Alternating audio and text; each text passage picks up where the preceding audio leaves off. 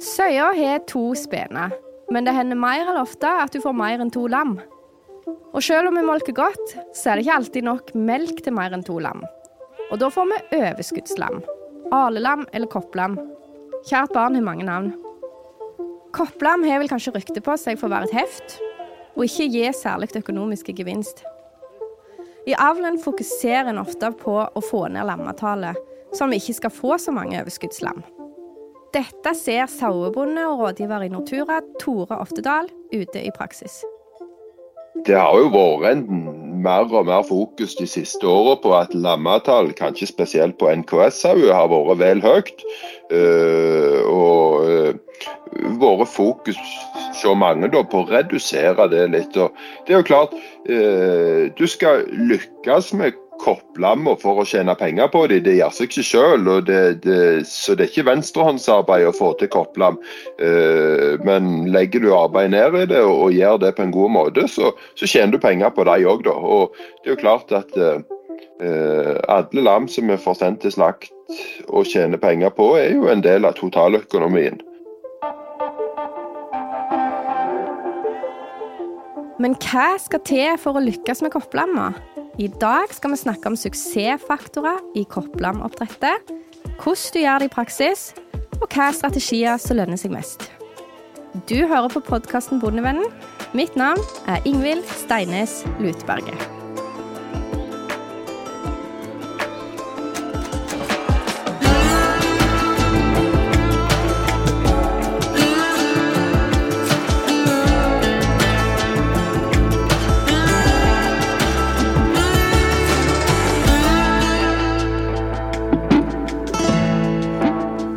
Podkasten Bondevennen blir presentert i samarbeid med Sparebank1 SR-Bank og Tveit Regnskap.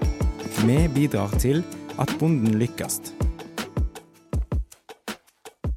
Det blir ofte et overskudd av lam, men det varierer litt etter hva praksis du har, hvor mange som ender opp som kopplam, og om du er avhengig av et profesjonelt kopplamoppdrett. Der er det delte meninger, selvsagt. Og det er jo fra gard til gard og fra bonde til bonde hvor relevant eller aktuelt dette her er. Da selvsagt i forhold til fostertall, hvor fruktbare sauene deres er. Hvor mye eventuell overskuddslam eller kopplam det da blir på den enkelte plassen. Og så er det jo også veldig varierende hvilket regime folk praktiserer. Noen sier konsekvent at mine sauer går med to lam og ferdig med det, eller punktum. Uh, og det som kommer i tillegg da, det, det blir overskuddslam.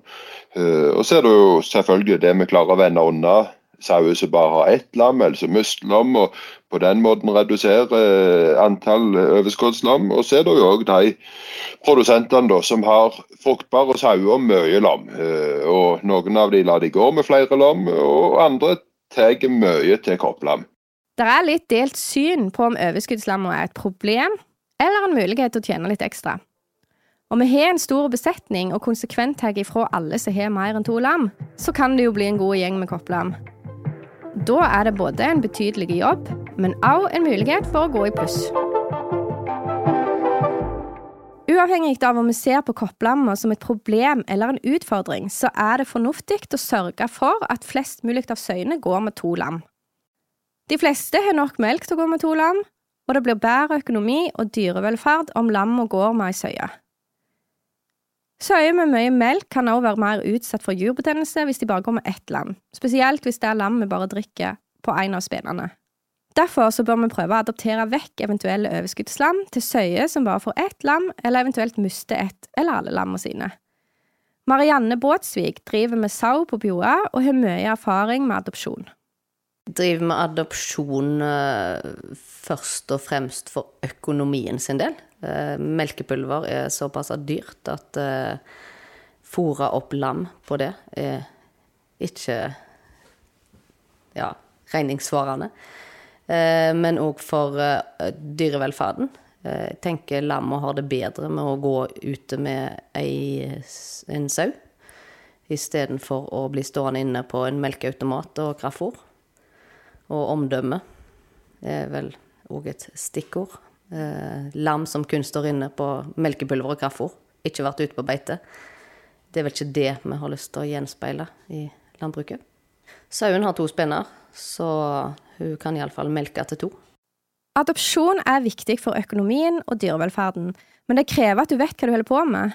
Sauer knytter raskt tette bånd mellom mor og avkom, og aksepterer ikke nødvendigvis at andre lam stjeler melk.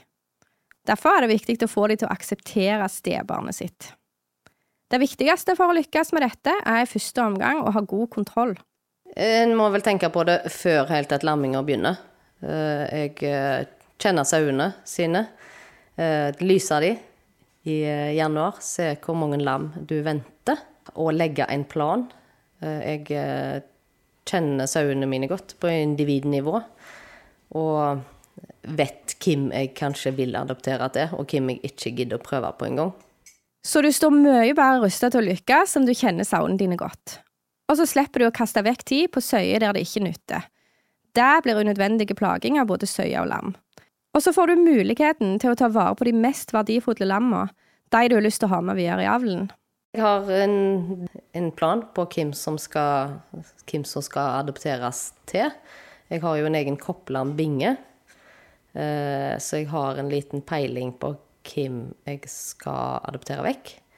Eh, det er jo kanskje lam som seminlam, altså saulam som jeg tenker kan kanskje bli eh, avlssauer. At de er viktigere, at de får komme ut på beite. Når den sauen som jeg har tenkt å adoptere til, begynner å lamme, så er jeg klar, gjør klar det lammet som jeg skal adoptere unna har ei bøtte med lunka såpevann, eller bare lunka vann, som jeg eh, har det adoptivlammet oppi. Vasker. Vasker godt, vet ut hele lammet. Er det noen dager gammelt, så stripser jeg kanskje beina på det for å få det til å se litt nyfødt ut. Sauer er ikke så dumme, så de skal ha det til. Så de gjennomskuer deg fort. Eh, når eh, sauen da begynner med rier og er kanskje bak og, presser litt og klemmer litt, og, og ja, rett og slett eh, ja, gjør som hun, en fødsel. Eh, og gir henne adoptivlammet. Eh, så da får hun slikke på det, og de tar som oftest alltid de til seg. Spenningsmomentet er jo når de får sitt eget, om de godtar det. Denne metoden er det mange som bruker, og den funker. Du må altså gi adoptivlammet til søya før hun får sitt eget lam, og du må være til stede og følge godt med. Du må være til stede under lamminga, eh, og har de, eh, jeg har de òg på kamera eh, hvis jeg er inne, så jeg har en peiling. For når du skal adoptere, så må du være føre var. Det nytter ikke å komme etterpå. Kamera er et veldig godt hjelpemiddel i lamminga. Da kan du se tegna tidligere og være på plass når det skjer, uten at du nødvendigvis må være i sauehuset hele tida. En ting som er viktig å passe på når du gir adoptivlammet til søya før hennes eget lam er født, at det ikke stikker av med alt råmelka. Jeg passer òg på det adoptivlammet, for det har jo allerede fått råmelk når det ble født. Eh, så det trenger jo ikke drikke råmelka til sauens eget lam, så jeg pleier å holde det litt vekke eh, til hun har fått sitt eget lam. Eh, tar kanskje òg litt av råmelk, og da smører litt i munnen på det adoptivlammet og litt i baken, sånn at Hun eh, passer egentlig på de ganske godt eh, en god stund etterpå, fordi at jeg har hatt eksempler der de etter noen timer eller etter noen dager finner ut at nei, dette vil jeg ikke ha.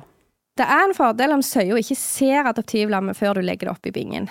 Jeg pleier å Vi er jo ofte to, da. Så jeg har, eh, jeg har mannen min, han står skrevse ved sauen og holder sauen, mens jeg, eh, jeg, jeg er bak og lurer inn lammet bakkant, så vi ikke får se det. Jeg vet ikke om eh, hvor mye det har å si, det er vel helst det luktende. Men noen er veldig mistenksomme. Du lurer de ikke så lett. Marianne har òg noen andre nyttige tips og triks. Så jeg har lam som jeg venter eller som jeg har tenkt jeg skal adoptere vekk, så venter jeg kanskje med øremarke hvis jeg har en, den sauen jeg skal adoptere det vekk til, i nærmeste dagene For da De blir ofte veldig mistenksomme på øremarker, og hun står og, og biter og, i det og lukter på det. og så da kanskje jeg venter en dag eller to. Men det kommer jo helt an på hvor mange kopplam du har. Eh, har du kanskje 100 kopplam, så er det ikke så lett å skille de og la de gå uten øremerke. Da må de jo ha det òg. De kan se forskjell på farger. Så jeg prøver at de samme farger, at NKS-en får hvite lam. For har de ett hvitt, så er det ikke alltid så godt å få de til å ta et svart. Hvor enkelt det er å adoptere, avhenger også litt av rase. NKS-en tar veldig lett. Eh, den er glad for alt han får. Eh, jeg har hatt noe gammelnorsk spel. Da føyk lamma rundt omkring i fjorsen. Eh, spelsauen, den har vært litt problematisk. Der går det mer på individnivå hvem det går greit med, og hvem det ikke går greit med. Og, og pelsen, den har gått greit. Det, der har de tatt til seg både tidlig og seint. Og jeg har faktisk sauer som har tatt til seg ut på beite, som har mista mor av seg sjøl. Noen søyer vil forskjellsbehandle adoptivlammet i forhold til sitt eget lam. Det ser ut som de vet forskjellen og knytter seg mest til sitt eie. Kanskje ikke helt som en moderne bonusmor, men litt mer som stemora i Askepott. Da har Marianne prøvd ut en annen strategi. Det du òg kan gjøre, er jo at eh, du tar eh, rett og slett hennes eget lam ifra henne, og gir henne to adoptivlam. Så du tar, du tar det ene i bytte mot to. Så det har jeg gjort. Eh, jeg skriver notater på de sauene som det går bra å adoptere, og de som det ikke går bra. Og da eh, Iallfall ikke at du har ett av sitt og ett annet. Det fungerer ikke alltid. Men får to adoptivlam, da, så, så klarer hun ikke å skille. Men eh, du ser eh, de, de Ofte så vet de at de har uh, fått et adoptiv, adoptivlam. Derfor henger jeg bjella på den sauen når hun skal ut på beite. For det kan godt hende at de prøver å lure seg vekk eh, flere uker etterpå fra adoptivlammet sitt. De godtar det, men de allikevel, de vet det er en, et stebarn. Det skjer jo at vi mister lam i lamminga, og at den planen vi la for adopsjon, plutselig må endres.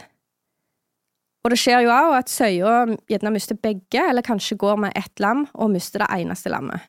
Det er jo en fordel om lammene som skal adopteres, ikke er for gamle, for det er lettere å få søya til å akseptere et ungt lam enn et som er blitt større.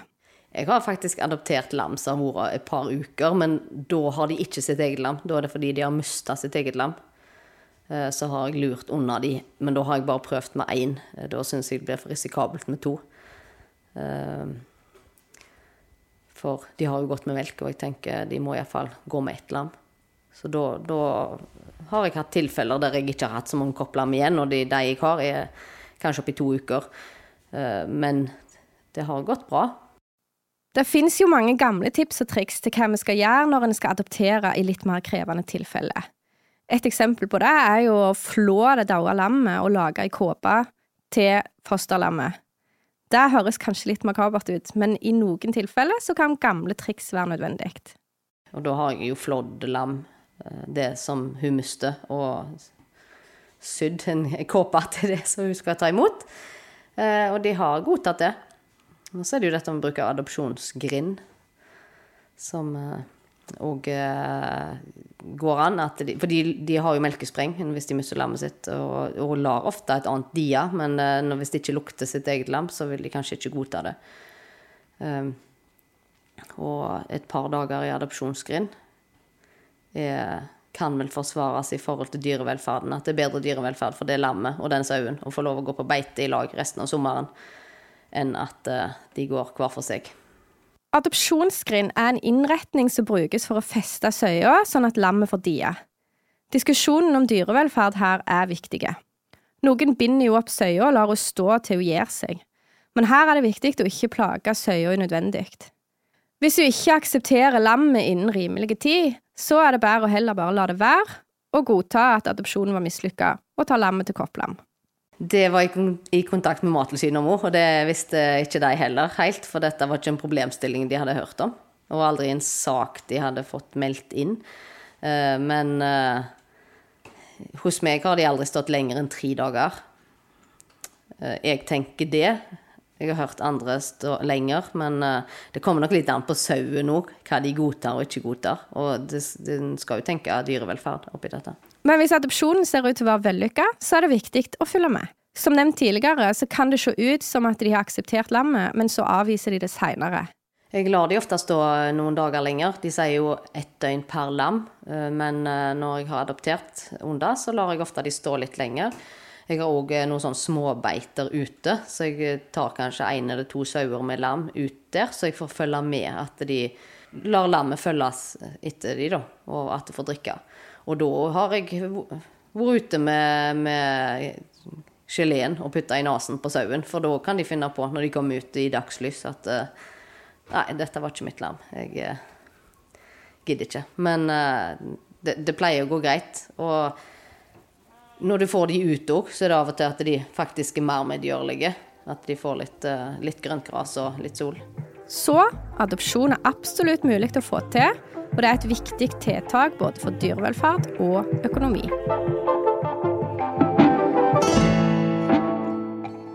Denne episoden er sponsa av Felleskjøpet Rogaland Agder. Felleskjøpet arbeider hver dag for din lønnsomhet som bonde, og for lokal og norsk matproduksjon. Ta kontakt med en av våre konsulenter, eller gå inn på nettsidene våre bondekompaniet.no. Gjennomsnittlig lammetall, særlig hos NKS, er godt over to. Derfor blir det oftest et større overskudd enn det vi klarer å adoptere vekk til andre søyer. Det skjer òg at sauene blir syke og eventuelt må avlives, og at en derfor får en del lam som blir foreldreløse. Om en lykkes med kopplamma, er veldig avhengig av starten lammet får. Enten det er snakk om kopplam eller vanlig lam, uansett, alle lam, så er eh, starten det, liksom det første minuttet og timene, døgnet, det er kritisk. Og det du gjør for dem da, er jo helt avgjørende for resultatene videre. Enten de skal gå med mora som et naturlig lam, eller det skal være et såkalt kopplam. Du er til stede, du har jo, du har jo stelt sauen riktig og godt gjennom høst, vinter, vår. og Sau har et godt utgangspunkt. Fosterutvikling har, har da i, i et ideelt tilfelle gått bra, og det er friske mor som skal lemme friske lam, men forhåpentligvis så er bonden til stede og har kontroll, og selve lemminga går greit. Og så er det jo disse herrene gylne reglene da, når lamma kommer med holdt på å si råmelka. Den, den, får vi aldri snakke nok om, og viktigheten av råmelka kan ikke overvurderes. Så Eh, at når lamma er fødte, så, så, får de råmelk kjapt og tilstrekkelig nok råmelk. da, eh, For liksom de, at de skal komme til hektene der og da. Og, og, ikke minst med tanke på antistoff og dannelse av et immunforsvar, så er jo råmelk alfa og omega. Så òg for disse lamma som skal bli kopplam, da. At de får gå med mora gjerne det første døgnet eller to og få drikke godt med råmelk. Eller hvis de av en eller annen grunn må tas vekk av mora, eller mora ikke har melk og derfor blir lammet et kopplam, at en klarer da å erstatte mora råmelk med råmelk fra andre sauer, f.eks. Alltid lurt. og I lemming eh, har du mulighet for det, så tapp av melk og frys ned og ha på lager til å bruke når, når behovet er der. Og videre da selvsagt hygiene. En god start. Eh, tørt leggeunderlag, at lamma fort blir tørka og blir reine og liksom kommer seg ovenpå. Enten det er mor som er der og, og røkter de og slikker de reine og får de på føttene, eller hvis det ikke er mor da, at, at bonden tar seg, seg, av den jobben. Unngå nedkjøling, det er jo essensielt. og Da er jo å få de tørre og reine fort. Råmelk er flytende gull. Det har to formål, både å gi lammet som er født uten immunforsvar, viktige antistoffer for å beskytte seg mot sykdom, men også å gi energi til å produsere kroppsvarme og til å reise seg og søke etter spenen. Det er varierende kvalitet på råmelk, og det kan være en fordel å måle den kvaliteten, f.eks. med et refraktometer eller en briksmåler, for å sikre at du får i lammet nok immunstoffer. Men det er vel så viktig at lammet får i seg nok mengde. Og i situasjoner der du skal ta lammet ifra mora, så må du passe på at det har drukket nok først. Et lam på fem kilo trenger 1-1,5 liter råmelk første døgnet, og 400 milliliter av dette skal de ha de første fire timene av livet. Immunstoffet er store molekyler, og tarmen er mer gjennomtrengelig for disse rett etter lammet er født. Og lam som gjerne har blitt avkjølt etter fødsel, de bør varmes opp før de får råmelka, for da de tar opp immunstoffer og næring dårligere når de er kalde. Hvis øya har godt med melk, så bør lammet som skal tas til koppelen, få gå med mora en stund. Si en, en, en normalt frisk trillingsau som lemmer tre fine lam, og det er greit med melk, så, så tenker jeg at eh, ingen regel uten unntak, men mellom ett og to døgn. Det er jo sånn at Dess tidligere vi tar lomma fra mora, dess lettere er det å lære lomma til å drikke fra en kunstig melkekilde, holdt jeg på å si. Enten det er flaske eller automat, eller hvordan da gir melk, lam og melk. Men, også at uh, lamma får gå såpass lenge at de får i seg uh, godt med råmelk et døgn eller to. Nå skal ikke jeg mase om råmelk for lenge, altså, men det blir påstått at for lite råmelk er grunnen til mesteparten av sykdom og problemer med lam og det er gjort målinger på antistoff i blodet til lam som viser at altfor mange har altfor lite. Så dette er kanskje den største suksessfaktoren i koppelamoppdrettet. Ofte er det de som er trillinger eller flere, som blir kopplam. Da må du gjøre et valg av hvem som skal bli kopplam, og hvem som skal gå med mor. Der er det vanskelig å gi et sånn fasitsvar som skal passe i alle situasjoner. Jeg liker selv å tenke litt sånn at uh, legge til rette rette for at sauen skal gå med to jevne, fine lam. og liksom best mulig legge til rette for sauen og den naturlige produksjonen, tror jeg ofte er lurt. Så, så si det er to fine, jevne lam, og så er det ett som skiller seg ut.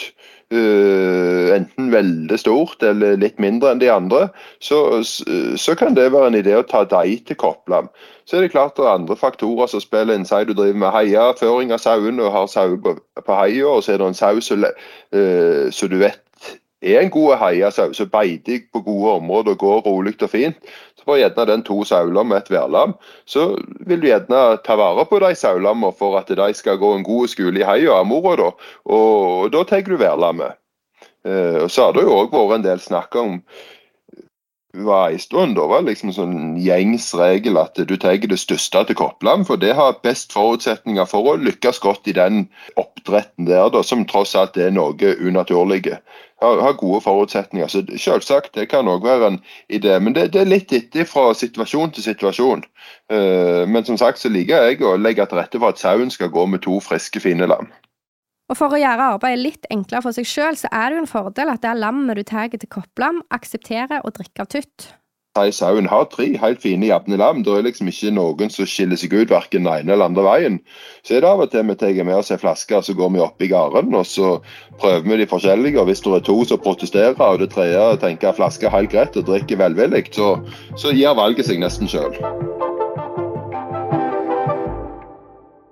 Når vi har gitt lamma en god start og er klar til å flytte dem fra mor, så må vi ha en god kopplambing å ha dem i. Ja, begynner med det elementære, så skal kopplamme ha det godt i kopplambingen. Eh, varmt, lunt, tørt underlag. Det skal være lett for lammet å ha ønska temperatur, unngå nedkjøling og slikt. Så du strør godt, og, og, og det er romslig nok og, og, rent.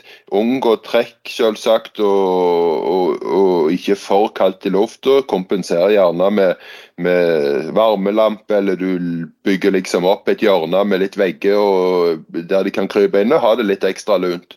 Um, så er det jo selvsagt det at det er tilstrekkelig nok tilgang på mat. At, eh, at det er nok tytter, det er nok uh, uh, melk, sånn at det, det ikke er den sterkestes rett som alltid vinner. Det å få i lam og nok melk er bare superviktig. Når de er nye i kopplambingen, trenger de tett oppfylling, og det kan være hektisk nok i ei travel lamming. Men investerer du tid i å få de i gang med å drikke og blir sjølgående, så sparer du deg for mye heft seinere. Hvis kopplamma ligger i hauger og klumper seg sammen, så tyder det på at temperaturen ikke er høy nok, og at de ikke får i seg nok mat. Her er det gull om du har unger eller andre som syns det er koselig å sitte i kopplambingen og bare sette lammet på tutten ofte, sånn at de lærer seg å drikke. Fri tilgang på melk er nesten en forutsetning. Hvis du skal flaskefòre kopplammer, får du i dem mye mindre mat, og selv om de kanskje har fått nok råmelk, så er det viktig at de drikker så mye som mulig for å opprettholde et godt immunforsvar videre. Det er jo litt av uh, den store fordelen med, med, med, disse melkeautomatene som har blitt mer og mer vanlige. Det er jo det at da er det jo alltid tilgang på, på melk, sånn at da vil nok lomma drikke mindre porsjoner, men oftere.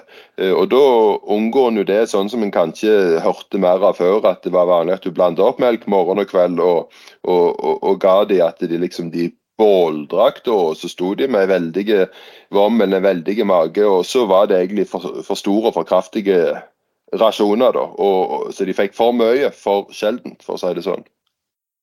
Uh, der er det jo òg muligheter for å kompensere om en ikke har automat, men bruker mer disse tunnene eller byttene. at en der tror jeg òg det er lurt å prøve å ha en, en uh, jevn tilgang. At de, at de hele tida har melk. og Da kan du godt blande opp og så kjøle den av og så gi den i kalde, uh, kalde tilstand. Og gi kald melk i disse tunnene. Da, da vil lammet naturlig nok drikke litt mindre i slengen. og og, og, men alltid ha tilgang og få i seg mer i løpet av et døgn.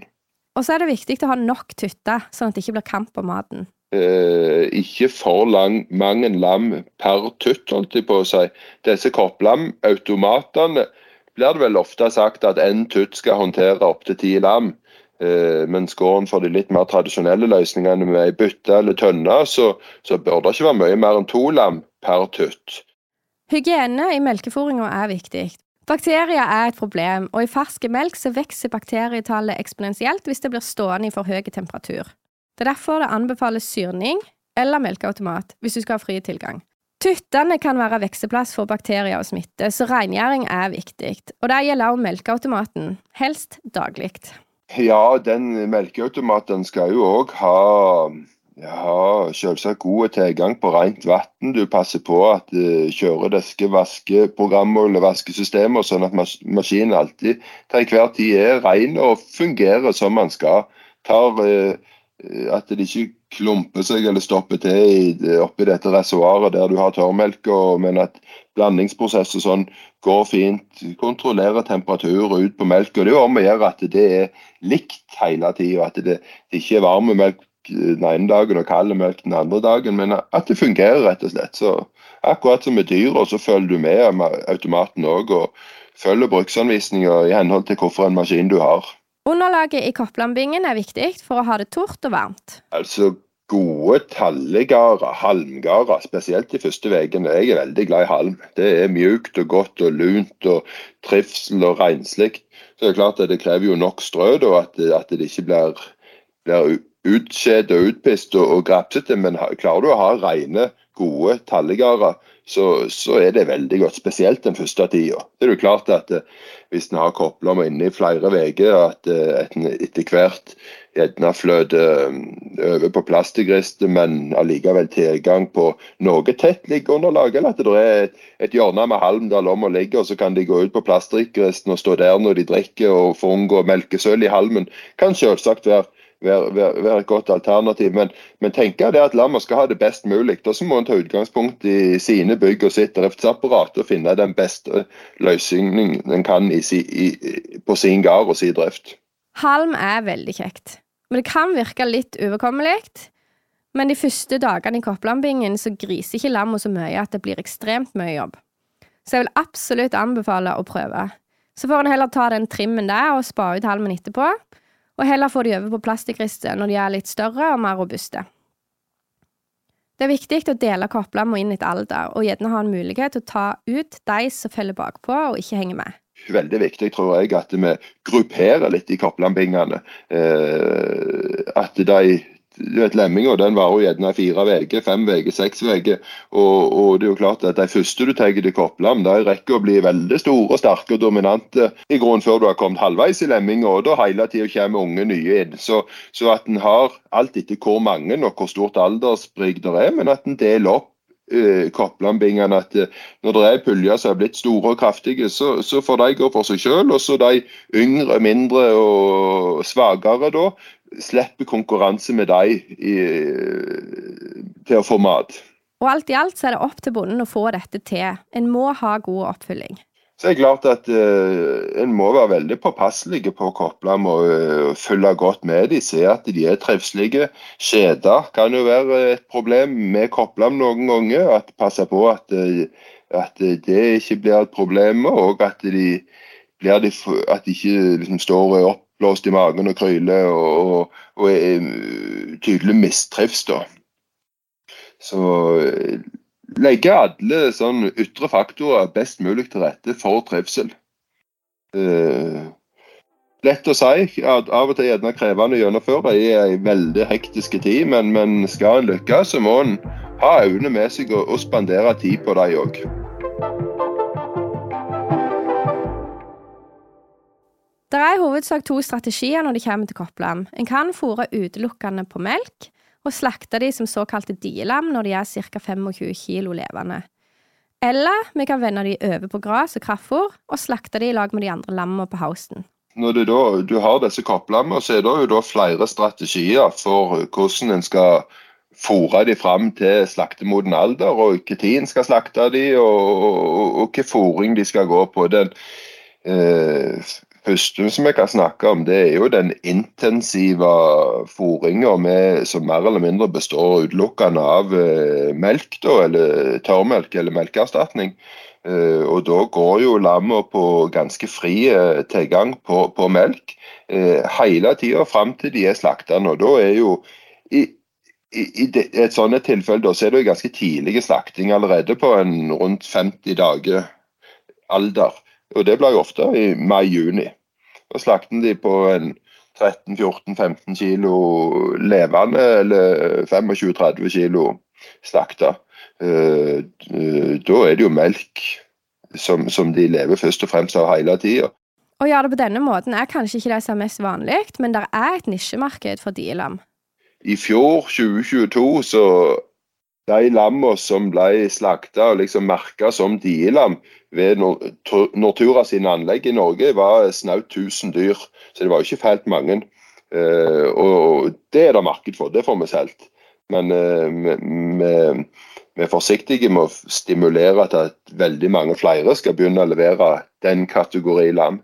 Og, men er det folk som benytter seg litt av Reko-ringer, eller de selger til lokale butikker eller andre kunder, så er det klart at uh, det kan jo være uh, et marked for disse mindre lammene. Et annet alternativ er å vende lamma av melk og heller slakte de på mer vanlige slaktevekter om høsten. Så er det andre alternativet, og ofte det vi gjerne anbefales, sant det ikke er bestemte ting som taler mot det. Da, eh, men, og der, Det er jo det som går på at en begynner selvsagt med melk, og så på et visst tidspunkt så uh, kutter du melka til fordel for fast føde, holdt jeg på å si, uh, kraftfôr, grovfôr, senere beite, og så selvsagt alltid tilgang på rent og godt vann.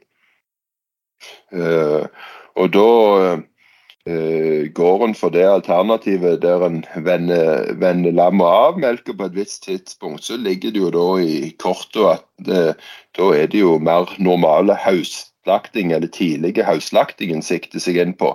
Uh, så kopplammet blir da slakta mer som normale lam på et normalt slaktetidspunkt. Da er det ganske allment Eh, anbefalt holdt jeg på å si, at eh, lamma går på en mer eller mindre fri tilgang på, på melkeerstatning fram til de er en fire-fem uker, eller i levende vikt mellom 15 og 20 kg. Eh, før en da vender de av melka og, og, får de over på, på grovfòr, beite, kraftfôr og vann. Denne strategien krever jo at vi vender av lamma og tilvenner de til andre fôrmidler. Det krever at lammet har normal og god vomutvikling, siden de ikke er ferdig utviklet som drøvtygger ved fødsel. Det som stimulerer til god drøvtyggerutvikling, er i hovedsak vann og kraftfôr, men det er også en fordel om de får litt grovfôr. Jeg tror det er lurt at uh, for de lammene som er i den kategorien, at de ikke skal intensivfôres på melk, men de skal over på, på, på, på, et fast, fast føde, eh, så tror jeg det er lurt å introdusere eh, både kraftfôr, litt fint grovfôr eller høy og vann på et tidlig stadie, og at de nesten fra dag én av har det tilgjengelig i små mengder i kopplambingen. Da vil de være å napper i det. De er jo interessert i å bite og smake og gjør seg litt kjente med det. Vommer kommer så vidt i gang i forhold til å fordøye dette. Og når en da har kopplam som er 16-17-18 kilo og vender de av melka, så er de allerede litt i gang. Og da blir den perioden der de står og sturer og skriker etter melka, kortere. Og de er fortere over og med et godt inntak av de nye formidlene. da sånn at en unngår en unødvendig stor brems i tilvekst i, i, den fasen. Avvenning er en påkjenning fra lamma. Det er viktig å gjøre den overgangen så smooth som mulig. De mister melka, som har vært deres næringskilde nummer én, og så skal de prøve å opprettholde tilveksten på andre fòrmidler. Hos kalv så anbefaler vi gradvis avvenning, men for dyr som går med mora, sånn som ammekalver og lam, så er det jo litt vanskelig. Som vi snakket om i ammekuepisoden, så kan totrinns avvenning redusere knekken dyret får ved avvenning, men på lam så er jo dette vanskelig. Det er ikke så lett å putte en nesering i nesen på et lam. Noen har prøvd å fjerne slangene fra automaten halve døgnet. De som bruker bøtte og tønne, gir gjerne bare melk noen få ganger om dagen, men mange kjører brå avvenning. Ja, det er forskjellige praksiser. Jeg har gjort det de siste årene sjøl, at vi kutter tvert. Eh, da er det fra en dag til en annen så er melka vekke, og det fungerer stort sett veldig godt. Så er det òg de som reduserer tilgangen. sånn si at eh, I en overgangsperiode får gjerne litt morgen og litt kveld med melk, og så eh, er det noen dager, så kutter de det. Eh, så der må man prøve seg litt fram. Men skal du kutte tvert, så er det veldig viktig det som jeg var inne på, at, at de har hatt litt tilgang på, på kraftfôr og silo eller høy og, og vann før det, så de vet hva det er, og da den overgangen går litt smidigere. Her skulle jeg gjerne ønske meg mer forskning og innovasjon på løsninger når det gjelder avvenning av lam. Men det vi vet, er at når lamma har fått nok råmelk, så er de bedre rustet til å takle denne endringa, og når de har blitt godt tilvendt på de andre fòrmidlene, så får de en mindre knekk. Det er ikke gunstig at lamma står og tutter og biter på ei tom bøtte eller melkeautomat som ikke er tilkobla. Går det tomt for melk, i hvert fall med de som har det litt mer gammeldagse, tradisjonelle bøttene eller tynnene, så, så, er det jo ofte et problem at når, de, når, når tuttene er der, men det er ikke melk, så biter de sånn tuttene eller eh, sliter de av. Sånn at eh, en skal jo passe litt på det, da. Vi kan jo si at strategien med å vende av lammet og få de ut på beite gjør en mer naturlig produksjon. Men det er verdt å tenke på hvor mye kraftfôr som går i disse lammene. Eh, men det er jo et godt poeng. Eh, si et kopplam som blir slaktet i august, har gjerne også en plass mellom 80 og 100 kg kraftfôr i løpet av sitt liv. Eh, I tillegg til det de er fra jorda eller, eller beite. da. Men så er det jo liksom det med å håndtere de ressursene en har, og, og, og, utnytte de mulighetene en får i form av levende lam på, på våren. Og, og, det er klart Har du en saus med tre lam, eh, så tar du fra det ene og har det f.eks. i en sånn kopplamproduksjon der det er tidlig av melka, og så er det grovfòr, beite, kaffe gjennom resten av sommeren, så betyr gjerne det at de to andre lammene kommer slaktende rett ur heia og smaker aldri kodna med mjøl. Sånn at totalen da ikke nødvendigvis blir høyere kontra når man hadde sendt denne sauen til heis med tre lam, og så kommer alle hjem litt for små, og så må gå på ei oppfòring i høsten før de er slaktende. Så her må vi se det store bildet og vurdere hva som passer i egen produksjon. Men så til det store spørsmålet.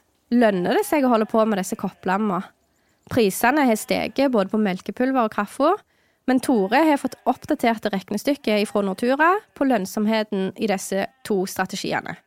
Altså Der har vi i Nortura fått utarbeida med i grunnen helt oppdaterte tall på både priser på, på slakt, i den grad det lar seg gjøre å prognosere til kommende sesong, og, men òg på hva melk og kraftfôr og, og, dette koster. Og Hvis vi da begynner med, med økonomien i en kopplamstrategi der en eh, med melk intensivt fram til da, tidlig slakt, eh, så er det jo klart at det er jo melka som er den store kostnadsdriveren. Eh, og da Eh, da regner en gjerne at det går 25 kg med melkepulver, og det er bortimot 1000 kroner i melk. da, Så litt kraftfôr, og så har du litt utgifter til, til vaksinering, strø og dette her.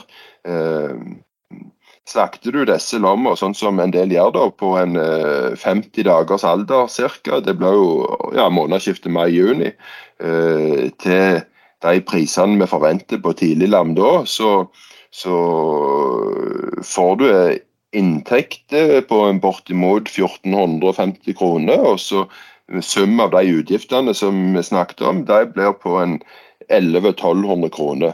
Så da, i teorien, så skal du kunne tjene en pluss-minus 300 kroner per lam. Men så er det jo selvsagt litt kostnader som det òg skal dekke. med er gjerne litt, litt grovfôr og sånn, det blir ikke noen mengde av det, men, men og, og, arbeid og sånn. Så det, du kan tjene penger på det, men, men um, det var nok en høyere gevinst der for noen år siden. og det var ikke så mange som drev med dette, og det var litt etterspørsel i markedet og ganske høye priser på disse tidliglammene, eller dielamma. Så ca. 300 kroner per lam kan du få til, så sant du ikke har store tap og svinn i produksjonen. Jeg vet at noen produsenter har egne avtaler med restauranter og leverer direkte for å få ut en høyere pris på de lamma. Ser en på den mer kraftfôr, grovfôr, beitebaserte modellen, så er det klart at da, da fôrer en jo du har lamma lenger og får de tyngre. Slakter de gjerne i august, og de er rundt 20 kg slakta med forventa sommertilvekst. Eh, da har du forhåpentligvis brukt på våren en hel del mindre eh, melkepulver. Der en sparer inn en det ganske mye. Men så må en jo huske at uh, når du tar såpass tidlig fra melka, og de skal jo gå sommeren uten ei mor, de får grovfòr inne, de får beite ute. Uh, så er det likevel viktig at en følger opp med kraftfôr, at de har en kraftfôrautomat tilgjengelig som alltid der er fôr i. Og de vil ete mer. Jeg ser av egen erfaring og fra vår, vår drift og det samsvarer veldig med disse tallene som er beregna fram her i Nortura. At en, en kan regne da du har tatt de, de fra melka på en 15-16-17 kilo, eller når de er eh, vel en måned, og så har du noen uker inne før da, da er såpass gode beiter og du har plass og du kan slippe de ut. Eh, så da type juni, juli, august måned, så er det de ofte ca. 1 kilo kraftfôr per lam per dag. Så det blir jo en litt større eh, utgift til kaffe da, med den varianten. Men sånn sum summarum, så når du trekker utgiften fra slakteinntektene, så, så skal en kunne sitte igjen med over tusenlappen per lam eh, ved den modellen. Men det er klart du har det jo lenger. Du er ikke fri i de på sommeren. For noen er det jo et poeng det at de slakter kopplommer, så jager de sauene til fjells, og så har de det veldig fritt på sommeren. Skal du ha koplam på den måten at du har det tidlig av melka og porer de fram på grovfòr, beite og, og selvsagt støtte med kraftfôr, så, så, krever det jo tilsyn. Og, og, du skal følge med at det alltid er vann, det alltid er kraftfôr. Og, en opplever jo òg at eh, koplamma er jo De lever jo et litt naturlig, unaturlig liv, og er dermed litt mer sårbare gjerne mot snyltere og sånn. Du vaksinerer gjerne disse lammene en gang ekstra.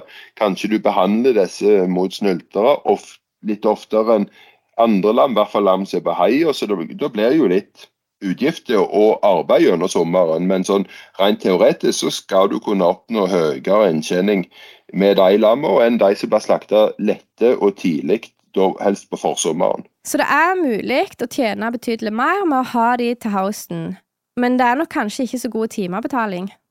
Og så er jo sauer eksperter i å daue, da. Og kanskje særlig disse raskt voksende kopplamma.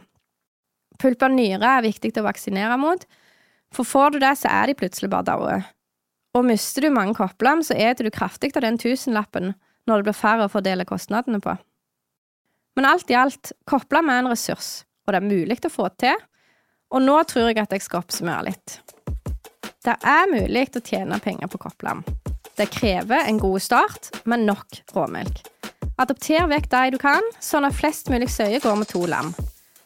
Lag en god kopplambinge, helst med halm, og pass på at alle får i seg nok melk. Avvenning fra melk og over på kraftfôr og grovfòrbeite gir størst potensial for inntjening. Men vær nøye med å introdusere fast føde før avvenning, sånn at de unngår en for stor knekk. Du har hørt på podkasten Bondevennen. Mitt navn er Ingvild Steines Luteberget, og til daglig så jobber jeg som rektor ved Vinterlandbruksskolen i Ryfylke. Har du spørsmål eller tilbakemeldinger til podkasten, send en e-post til podkast.bondevennen.no. Episoden er spilt inn i ABC Studio i Etne. Lyd ved Stig Morten Sørheim. Takk for at du hørte på.